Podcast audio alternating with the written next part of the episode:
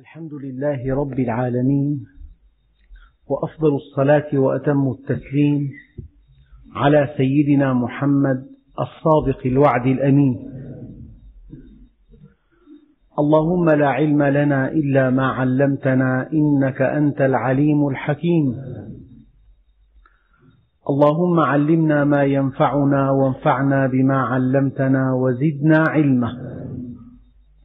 وأرنا الحق حقا وارزقنا اتباعه وأرنا الباطل باطلا وارزقنا اجتنابه واجعلنا ممن يستمعون القول فيتبعون أحسنه وأدخلنا برحمتك في عبادك الصالحين. أيها الإخوة المؤمنون مع الدرس الثالث من سورة النور في الدرس الماضي تم بفضل الله عز وجل شرح بعض المعاني من الآية الكريمة الزانية والزاني فاجلدوا كل واحد منهما مئة جلدة ولا تأخذكم بهما رأفة في دين الله إن كنتم تؤمنون بالله واليوم الآخر وليشهد عذابهما طائفة من المؤمنين. وآية اليوم الزاني لا ينكح إلا زانية أو مشركة والزانية لا ينكحها إلا زان أو مشرك وحرم ذلك على المؤمنين. شيء يلفت النظر هو أن الله سبحانه وتعالى بدأ بهذه الآية الزانية والزاني. بدأ بالزانية. في الآية الثانية بدأ بالزاني قال بعض العلماء إن الزانية في الآية الأولى قدمت على الزاني لأنها الأصل في عملية الزنا. هي التي أظهرت مفاتنها وهي التي يعني قالت له هيت لك. وهي التي كانت السبب في الزنا. ولكن جاء الزاني في الآية الثانية مقدما على الزانية لأنه في عقد النكاح الرجل هو الأصل هو الذي يطلب. إذا حملنا كلمة لا ينكح بمعنى عقد الزواج في القرآن الكريم وردت كلمة النكاح بمعنى عقد الزواج. وقد ذكر بعض العلماء أن كلمة النكاح تعني عملية اللقاء. فلذلك الزاني هنا قدم على الزانية لأنه إذا كان النكاح هو عقد الزواج فالرجل هو الأصل هو الذي يطلب. لذلك قدم الزاني على الزانية.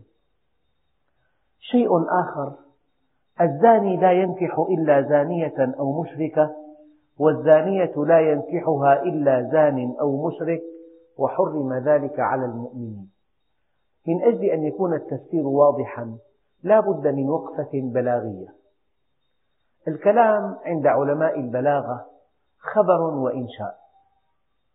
الإنشاء هو الأمر والنهي والإستفهام والتمني. والترجي والحظ والنداء. هذه الأساليب تسمى أساليب الإنشاء لأن هذا الكلام لا يحتمل الكذب أو الصدق. لو أنك سألت إنسان كم الساعة؟ هل له أن يقول لك أنت كاذب؟ لا يمكن أن يقال للسائل كاذب ولا للمستفهم ولا للذي يأمر ولا للذي ينهى. أما إذا قلت أنا عندي مئة ألف ليرة هذا خبر. الخبر يحتمل الصدق والكذب. فربنا عز وجل أحيانا يأتي بالكلام على صيغة الخبر وهو يريد النهي. هذا معنى دقيق؟ آه، يوضح بمثل منتزع من حياتنا اليومية. لو أن أبا قال لابنه لا تأتي بعد الساعة العاشرة. إنه ينهاه عن أن يأتي بعد هذه الساعة المتأخرة. هذا نهي ولكن النهي يفيد أن بإمكان هذا الولد أن يأتي قبل الساعة العاشرة أو بعد الساعة العاشرة. يعني النهي يحتمل تصور وجود المنهي. النهي يحتمل تصور وجود المنهي. إذا قال المدير لموظفيه لا تتأخروا معنى ذلك أن التأخر واقع منهم أنه يمكن أن يتأخروا فنهاهم عن التأخر. فالنهي من لوازمه أنه يفيد وقوع المنهي. احتمال وقوع المنهي. إذا قلت لإنسان لا تأكل كثيرا معنى ذلك أن من عادته أن يأكل كثيرا. فهذا الأب الذي قال لابنه لا تأتي بعد الساعة العاشرة هو ينهاه عن أن يأتي بعد هذه الساعة لأن احتمال مجيئه بعد هذه الساعة قائم. أما إذا قال الأب لابنه أنا ما عندي أحد يأتي بعد الساعة العاشرة فهذا الكلام خبر. لكن هذا الكلام الخبري صيغ على طريقة تفيد بالنهي ولكن لا يلزم من هذا الكلام أن هناك احتمال أن يأتي هذا الابن متأخرا. يعني ربنا عز وجل أحيانا يسوق النهي, على شكل خبر. مثلا قال عليه الصلاة والسلام لا تنكح المرأة على عمتها ولا على خالتها. هذا خبر يفيد النهي. ما أفلح قوم ولوا أمرهم امرأة. هذا خبر يفيد النهي. يعني هذا الموضوع أن تعرف أن الكلام خبر وإنشاء مهم جدا في فهم آيات الله. الإنشاء هو الأمر والنهي والاستفهام والتمني والترجي والحظ. هذه كلها أساليب الإنشاء. ما عداها أساليب الخبر. فربنا عز وجل قال الزاني لا ينكح إلا زانية هذا خبر. لما قال ولا تقربوا الزنا هذا إنشاء. في نهي لأنه. فهذا خبر. لكن حمل على الإنشاء لأنه يفيد المبالغة. يعني إذا أردت أن تنهى فنفيت على أسلوب الخبر فهذا أبلغ في النفي. يعني إذا قلت لابنك ليس عندي ولد يأتي بعد الساعة العاشرة هذا خبر حمل على النهي أبلغ من النهي. فربنا سبحانه وتعالى يقول الزاني لا ينكح إلا زانية أو مشركة. هناك حكم دقيق جدا هو أن المتعاطفين لا بد من علاقة بينهما. يعني الإنسان يقول مثلا اشتريت بيت وأرض. ما بيقول بالعادة اشتريت بيت ومعلقة. ما بيتناسبوا. لا بد من التناسب بين المتعاطفين. اشتريت بيت ودكان. دكان ومركبة. مركبة وبيت. أما تقول اشتريت ملعقة مثلا وكأس اشتريت قميص وبنطال فبين المتعاطفين لا بد من التناسب. فربنا سبحانه وتعالى قرن بين الزنا وبين الشرك. يعني كأن الله عز وجل قبح الزنا حتى هو كالشرك وقبح الشرك فجعله كالزنا. قبح الشرك فجعله كالزنا وقبح الزنا فجعله كالشرك. من هنا جاء التعاطف. الزاني لا ينكح إلا زانية أو مشركة. والزانية لا ينكحها إلا زان أو مشرك وحرم ذلك على المؤمنين. هذه الآيات هذه الآية لها عدة معاني. وقد اختلف العلماء في تفسيرها فبعضهم قال هذا نهي جاء على شكل الخبر للمبالغة. يعني كأن الله سبحانه وتعالى ينهانا عن أن نعقد زواجا بين زان وبين عفيفة أو بين زانية وعفيف.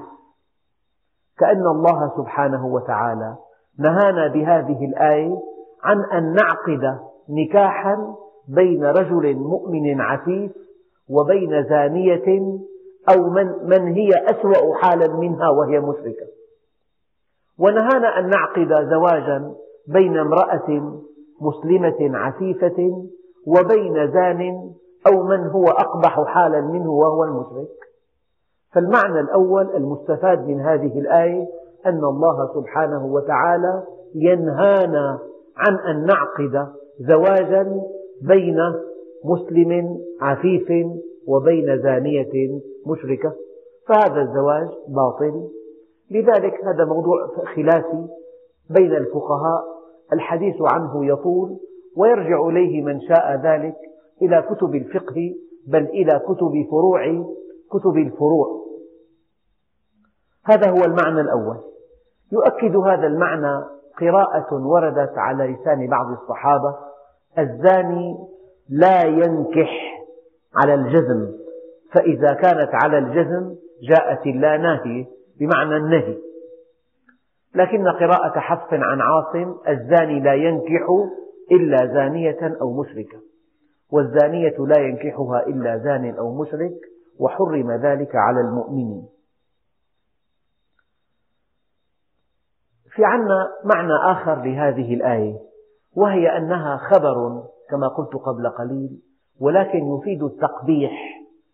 يعني ليس من المستحسن وليس من من اللياقة أن ينكح الزاني عفيفة وليس من المعقول أن ينكح أن تنكح الزانية عفيفا. يعني هذا خبر ساقه الله عز وجل على سبيل تقبيح هذا الفعل لا على سبيل التحريم. المعنى الأول خبر ساقه الله عز وجل على سبيل التحريم. المعنى الثاني خبر ساقه الله عز وجل على سبيل التقبيح يعني يقبح بالرجل بالمرأة الزانية أن يتزوجها رجل عفيف. هذا إنسان طاهر. حياته نظيفة نقية. ليس في حياته زنا. الزانية امرأة خسيسة امرأة قذرة امرأة حادت عن الطريق الصحيح. فكيف تستقيم الحياة بين رجل عفيف وبين امرأة زانية؟ كيف ينسجمان؟ شيء قبيح بالإنسان أن يقترن بزاني وهو العفيف. أو بالعكس قبيح بالمرأة العفيفة أن يقترن بها إنسان زاني. فالمعنى الثاني حمل لا على التحريم بل على التقبيح. يعني ليس من المعقول. الحقيقة أن الحياة الواقعية فيها أمثلة كثيرة. الشيء الثابت أنه قد يتزوج الزاني امرأة عفيفة. وقد تتزوج الزانية شابا عفيفا. فهذه هذا التحريم على محمول بالمعنى الثالث على أنه ينبغي. يعني مثلا ربنا سبحانه وتعالى قال الطيبون للطيبات والخبيثون للخبيثات. فإذا فهمت, فهمت هذه الآية على أن هذا الشيء واقع مئة في المئة فقد تفاجأ بامرأة طاهرة زوجها غير طاهر. وقد تفاجأ بإنسان طيب له زوجة غير طيبة الواقع على عكس ذلك. فلما ربنا عز وجل قال الطيبون للطيبات معنى ذلك أي أنتم يا عبادي احرصوا على أن يكون الطيبون للطيبات. أو ينبغي أن يكون الطيبون للطيبات. فإذا جاء الخبر مخالفا للواقع فهو محمول على كلمة ينبغي. لو أنك قلت للناس قال الله تعالى الطيبون للطيبات. هذه قاعدة ثابتة لا تخطئ. قد تفاجأ بأن امرأة مسلمة مصلية صائمة ورعة لها زوج يشرب الخمر. هل نقول القرآن باطل؟ لا.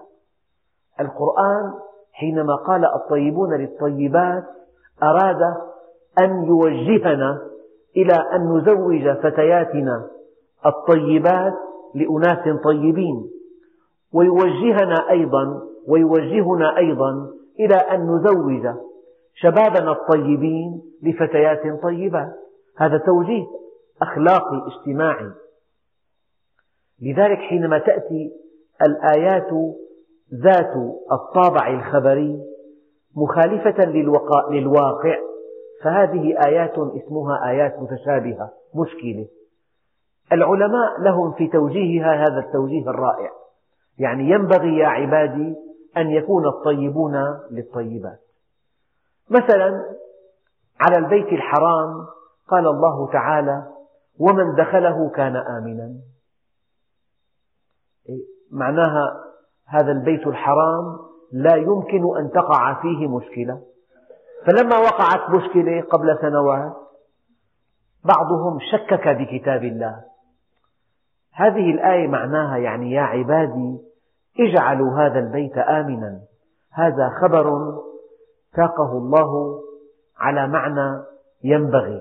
يعني ينبغي أن يكون آمنا واجعلوه آمنا. هذا فهم دقيق لقوله تعالى ومن دخله كان آمنا. ولقوله تعالى الطيبون للطيبات.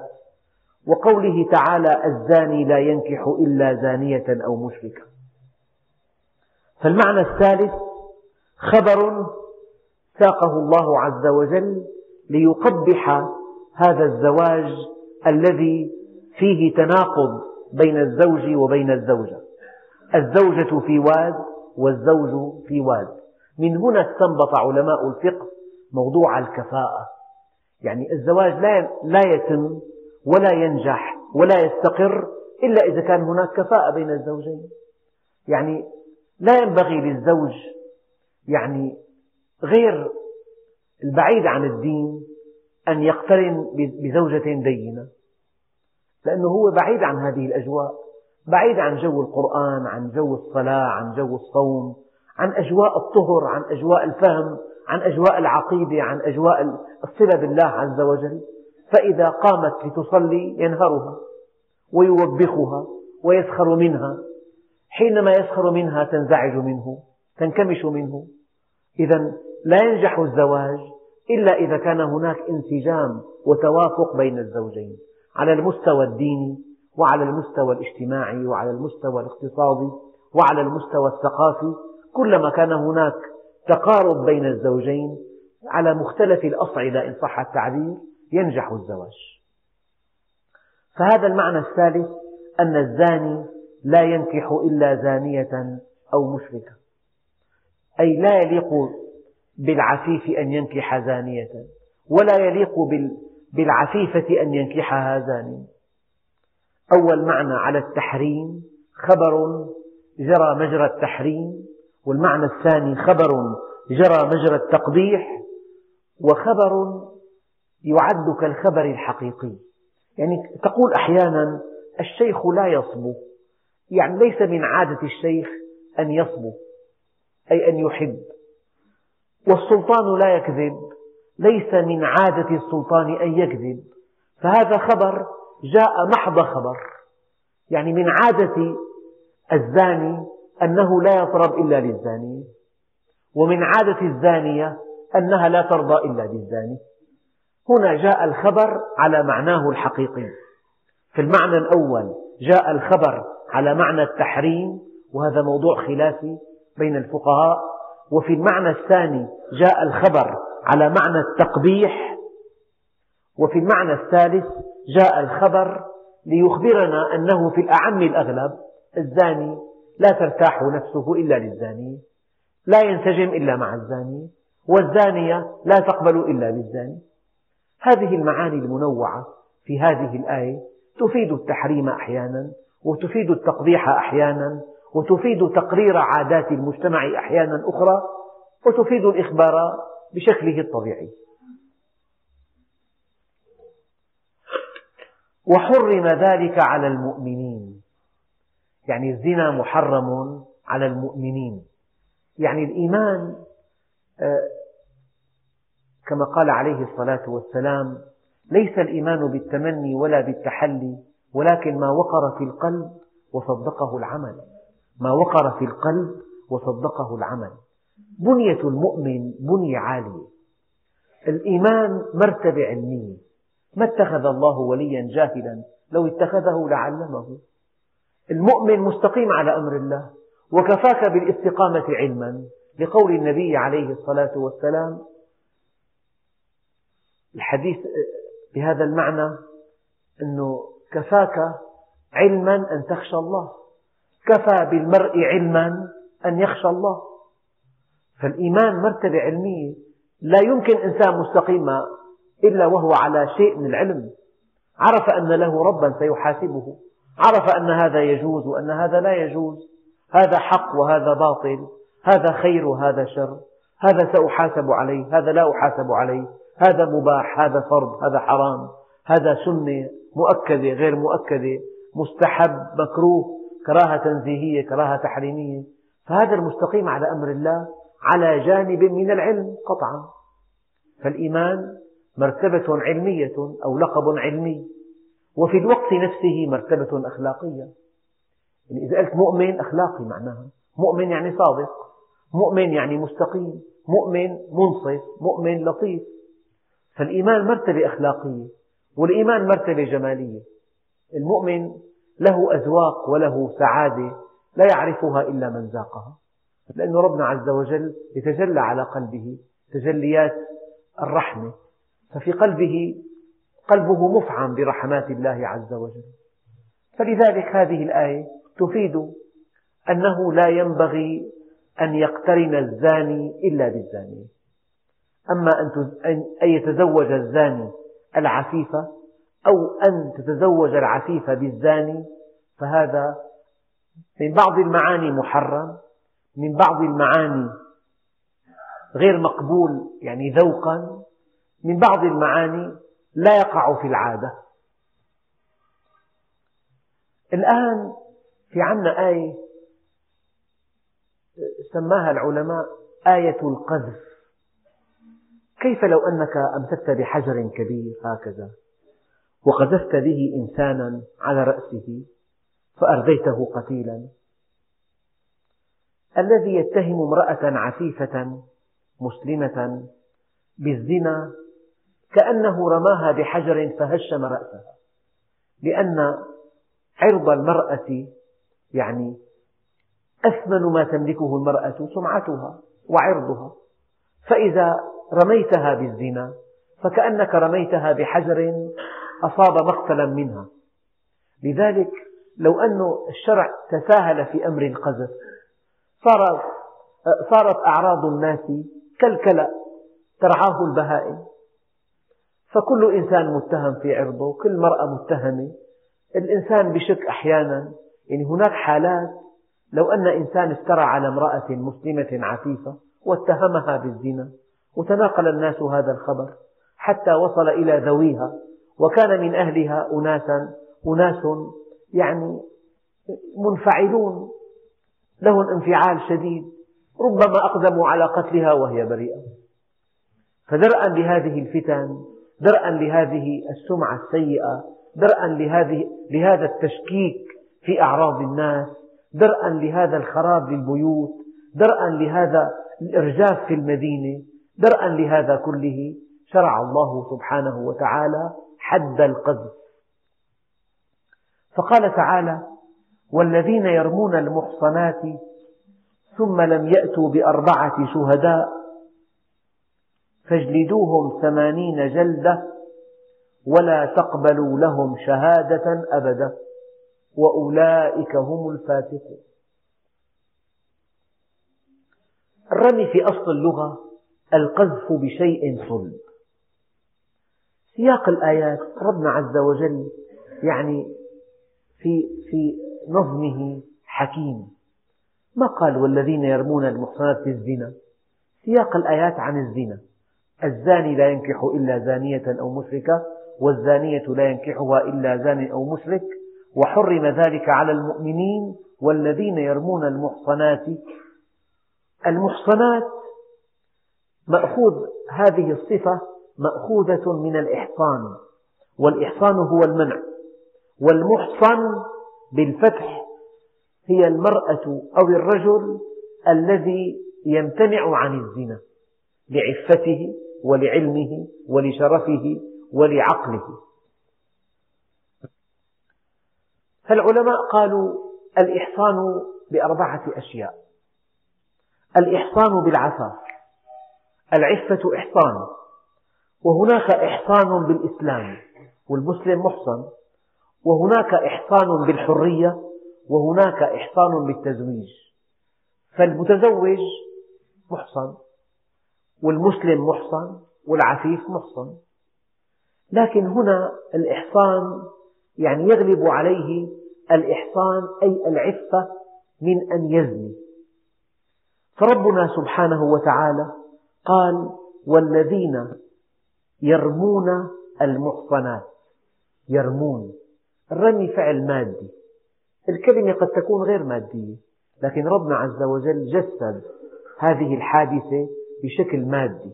يعني كأن هذا الذي يرمي المرأة العفيفة الطاهرة كأنه أمسك بحجر كبير ورماها به فهشم رأسها. لهذا قال عليه الصلاة والسلام قذف محصنة يهدم عمل مئة سنة. قذف محصنة يهدم عمل مئة سنة. والآية تنص على أن الذي يرمي امرأة الرامي رجل والمرمي امرأة. لكن العلماء قالوا هذا هذه الآية تتسع لأربعة صور. قد يرمي رجل امرأة بالزنا. وقد ترمي امرأة رجلا بالزنا. وقد يرمي رجل رجلا بالزنا وقد ترمي امرأة امرأة بالزنا. فكل هذه الحالات تنطبق عليها هذه الآية. يعني لو أن امرأة اتهمت رجلا بالزنا لأقيم عليها الحد وجلدت ثمانين جلدة. لو أن امرأة اتهمت امرأة أخرى بالزنا لجلدت ثمانين جلدة. لو أن رجلا اتهم آخر بالزنا لجلد ثمانين جلدة. فموضوع القذف يشمل كل الحالات. امرأة رجل رجل امرأة امرأة امرأة رجل رجل.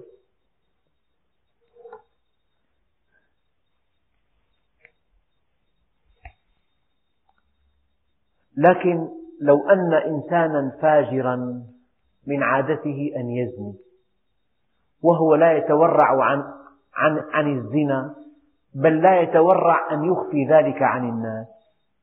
ورميته بالزنا فلا حد عليك لأن الفاجر كما قال عليه الصلاة والسلام الفاجر لا حد لا غيبة له ولا حرمة له. هذه ملاحظة.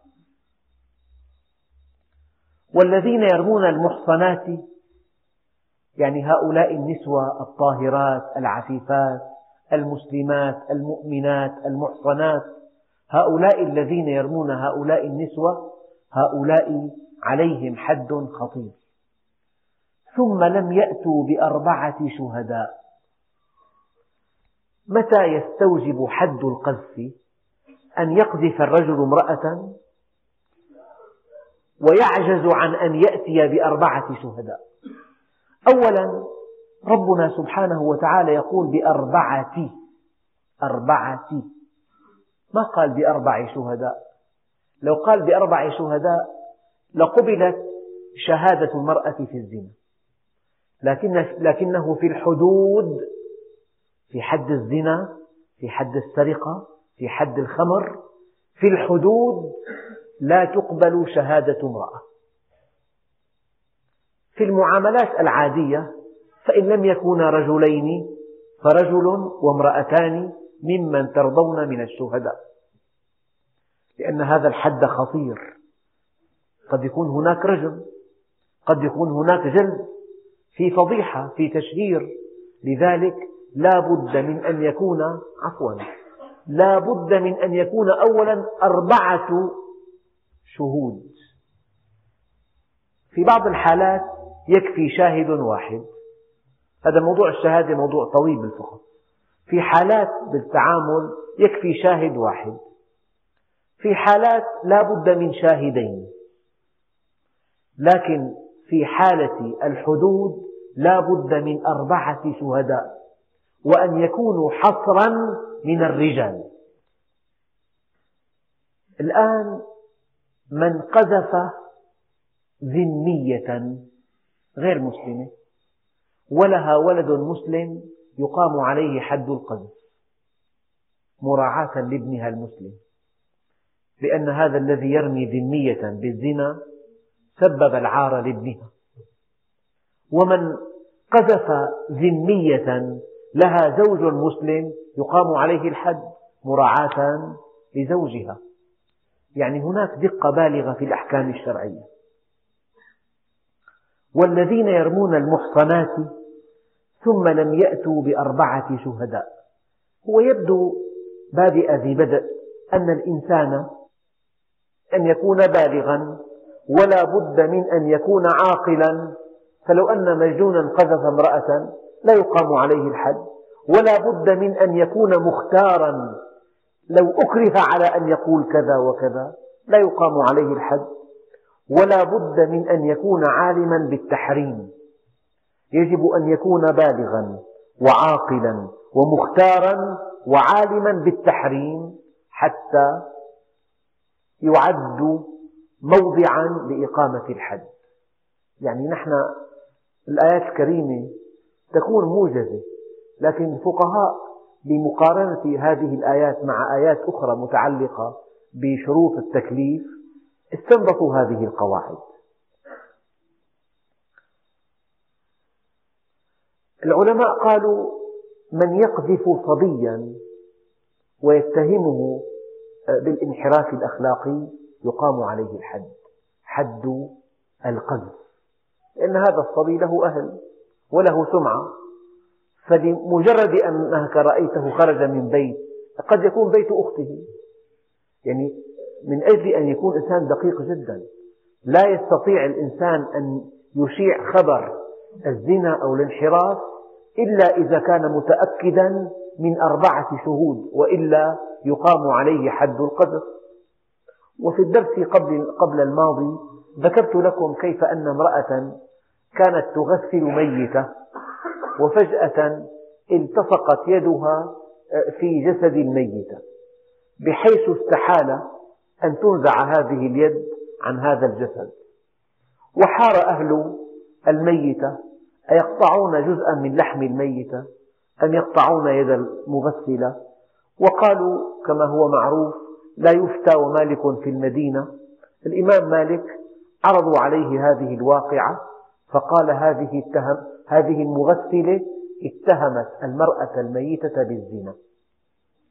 لذلك اجلدوها ثمانين جلدة. ويروى أنه مع الضربة الثمانين نزعت يدها من جسد الميتة. فالإمام الغزالي في الإحياء يقول هناك غيبة القلب. الإنسان لو لم ينطق بلسانه هناك حالات إذا حدثته نفسه بكذا باطلا وظلما فلا بد أن يعاقب.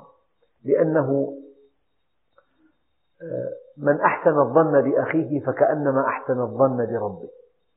ومن حق المسلم على المسلم أن يصون دمه وماله وأن لا يقع فيه بغير بينة.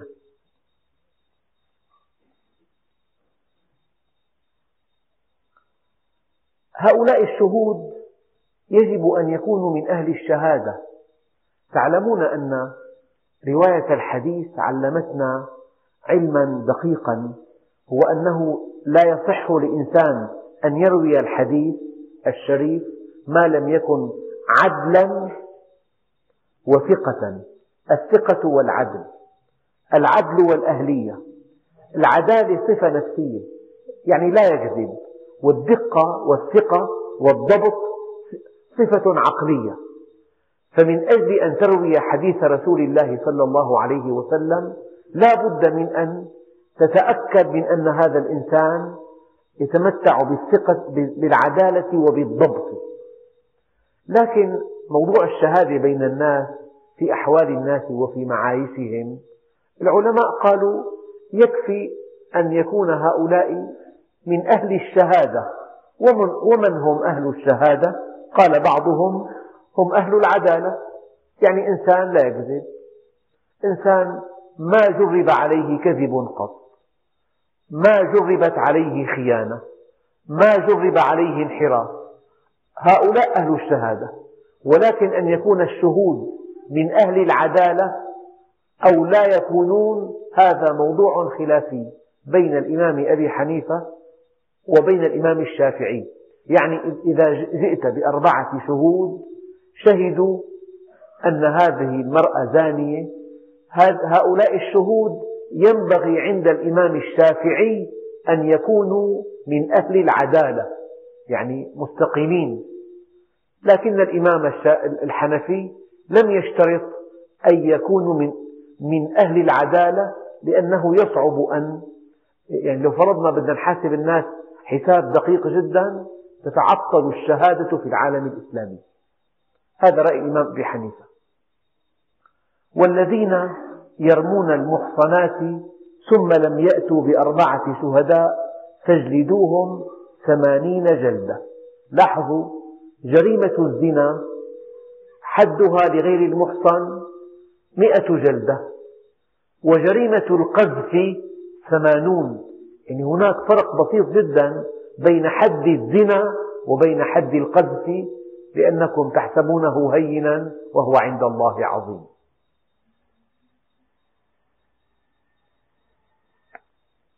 ولا تقبلوا لهم شهادة أبدا. هذا عقاب آخر. الحقيقة آه، حد القذف ثلاث أنواع. أول نوع الجلد. الجلد على مرأى من الناس في ساحة عامة حول جمع بين جمع غفير من المؤمنين والحد الثاني ولا تقبلوا لهم شهادة أبدا. هي الآن تقريبا مثل حكم عليه. محكوم بقذف امرأة محصنة شهادته غير مقبولة. يعني فقد حقه فقد اعتباره فقد مكانته. هذا يعني محدود بحد القذف. ينكتب على صحيفته محدود بحد القذف. شهادته غير مقبولة. وأولئك هم الفاسقون. يعني هؤلاء دمغوا بالفسق. فلو أنك قلت عنه فاسق لا شيء عليك. يعني أولا يجب أن يشيع بين الناس أنهم فاسقون. ويجب أن ترفض شهادتهم. ويجب أن يقام عليهم الحد. والذين يرمون المحصنات ثم لم يأتوا بأربعة شهداء فاجلدوهم ثمانين جلدة ولا تقبلوا لهم شهادة أبدا. وأولئك هم الفاسقون. ربنا عز وجل دمغ هؤلاء بالفسق والفجور. وأنك إذا قلت عنهم فسقة لا شيء عليك فالله سبحانه وتعالى بين أنهم فسقة قولا واحدا. إلا الذين تابوا من بعد ذلك وأصلحوا فإن الله غفور رحيم. يعني هذه الآية فيها دقيقة بلاغية. هو أن الاستثناء هل ينصرف إلى الأقسام الثلاثة؟ يعني إذا الإنسان قذف امرأة محصنة ثم تاب هل يتوقف عليه هل يعني آه، يعفى من إقامة الحد؟ الجواب لا. لماذا؟ لأن الحقوق في المجتمع الإسلامي نوعان حق الأفراد وحق الله عز وجل. فلو أن المقذوف عفى قال أخي أنا عفوت عنك. لقد قذفت زوجتي الزوجة عفت هل هل عفو الزوجة يمنع إقامة الحد؟ الجواب لا هذا حق الله عز وجل ليس حق المقذوفة بل هو حق الله لو أن المقذوفة ماتت قبل أن يقام عليه الحد هل يعفى من الحد؟ لا يعني بالنظام الغربي جريمة الزنا لا يمكن أن تحرك بها قضية في القضاء إلا بطلب من الزوج أو من المزني بها. فلو أن الزوج أسقط حقه في المرافعة ولو أن المرأة أسقطت حقها لا تحرك دعوى ضد الزاني أبدا. أما في الإسلام هناك حق الله عز وجل. إن عفو المقذوف لا يعفي القاذف من حد القذف. إذا إلا الذين تابوا هذا الاستثناء لا ينسحب إلى القسم الأول. فاجلدوهم ثمانين جلدة إلا الذين تابوا. لو أنهم تابوا لا بد من أن يقع عليهم الجلد. لكن القسمين الثاني والثالث ربما صلح أن ينسحب عليهم الاستثناء. إلا الذين تابوا. هؤلاء إذا تابوا يمكن أن تقبلوا لهم الشهادة. بس متى؟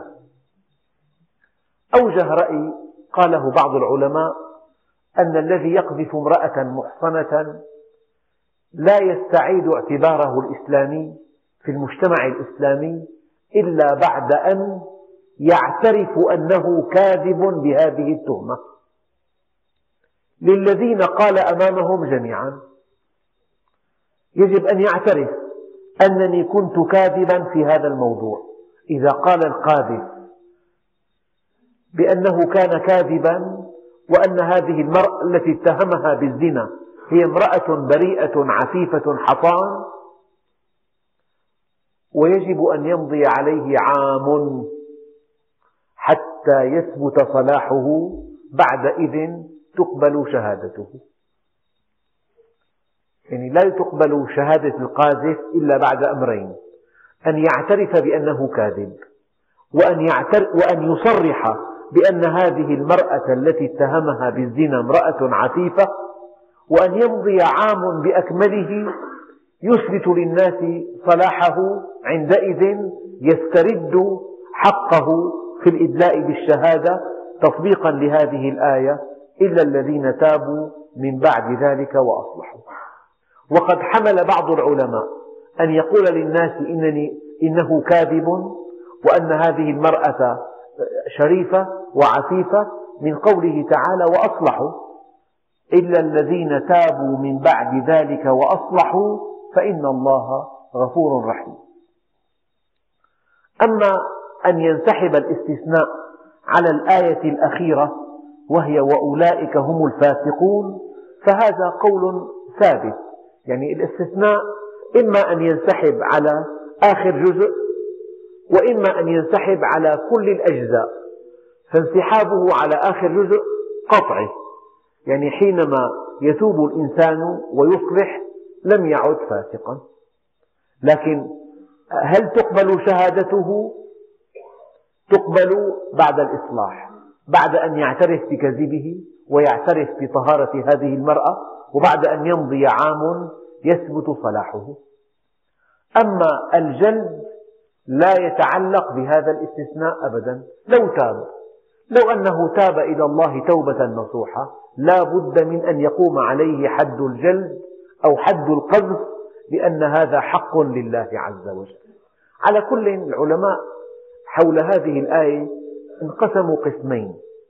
بعضهم قال غلب حق الله على حق العبد المقذوف وبعضهم غلب حد المقذوف على حق الله.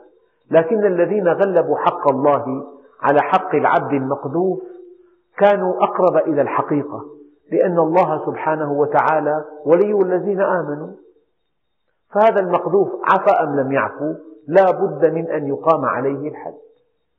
فالإنسان دقيق. نحن الناس أيام بسهرات بنزهات بلقاءات بيتحدثوا عن فلانة وعن علانة فلو كان الإنسان بده يتحاسب حساب دقيق وفق هذه الآية يجب أن يجلد معظم الناس. يعني كيف تخوض في أعراض النساء؟ كيف تتهم فلانة أنها زانية؟ كيف تشير بإصبعيك؟ كيف تنفض ثوبك وتقول لا أدري؟ هذا قذف هذا أساسا. القذف ليس باللسان فقط باللسان وبالحركة وبالإشارة وبالعبارة. الآن لو أن هذا القاذف تمكن أن يحضر ثلاث شهود ثلاثة على أن هذه المرأة زانية. يقام عليه الحد ويجلد الشهود على أنهم قاذفون أيضا. أربعة بده يكونوا ثلاثة يأكلوها معه. هذا كان شاهدا فانقلب إلى قاذف كان شاهدا فلما لم يستكمل النصاب أصبح قاذفا ويقام عليه حد الجلد صونا بحق المرأة العفيفة. ثلاث شهود جاءوا ليدلوا بشهادتهم. إذا هم يطحون على الأرض ويجلدون لأن الرابع لم يأت معهم.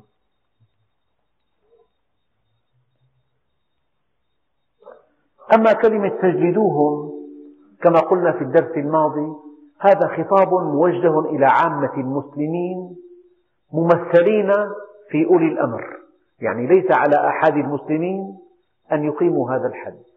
حد الجلد هذا الحد من اختصاص أولي الأمر وليس من اختصاص آحاد المسلمين. يعني تمسك لي كرباج تضرب واحد والله أنا بدي أقيم حد الجلد أو حد حد القذف هذا كلام مرفوض. لا يقيم حد القذف إلا أولو الأمر بنص هذه الآية لقوله تعالى فاجلدوهم ثمانين جلدة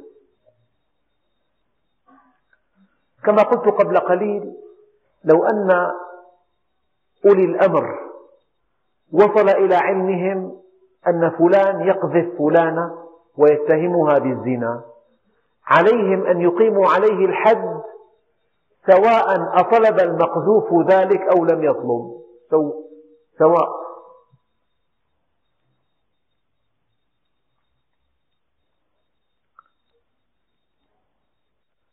الذي يهمنا من هذه الآية أن المجتمع الإسلامي يجب أن يكون نظيفا.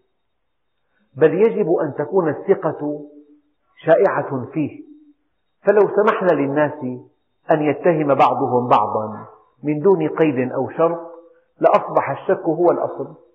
نحن عندنا قاعدة أساسية الإنسان بريء ما لم يتهم. فالأصل أن الإنسان بريء والأصل أن الإنسان عفيف وأن الإنسان طاهر وأنه مستقيم. فإذا أردت أن تتهمه فيجب أن تقيم عليه أن تقيم على ذلك الدليل القطعي وإلا هناك عقاب وبيل. فهذه الآية تردع الناس عن أن يلغطوا في أعراض المسلمين والمسلمات أو عن أن والنبي عليه الصلاة والسلام يقول من حسن إسلام المرء تركه ما لا يعنيه.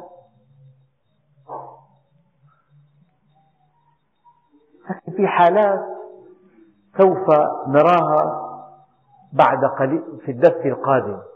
يعني زوج فاجأ زوجته بالزنا. يعني أخي والله يجيب أربع شهود. هذا مستحيل.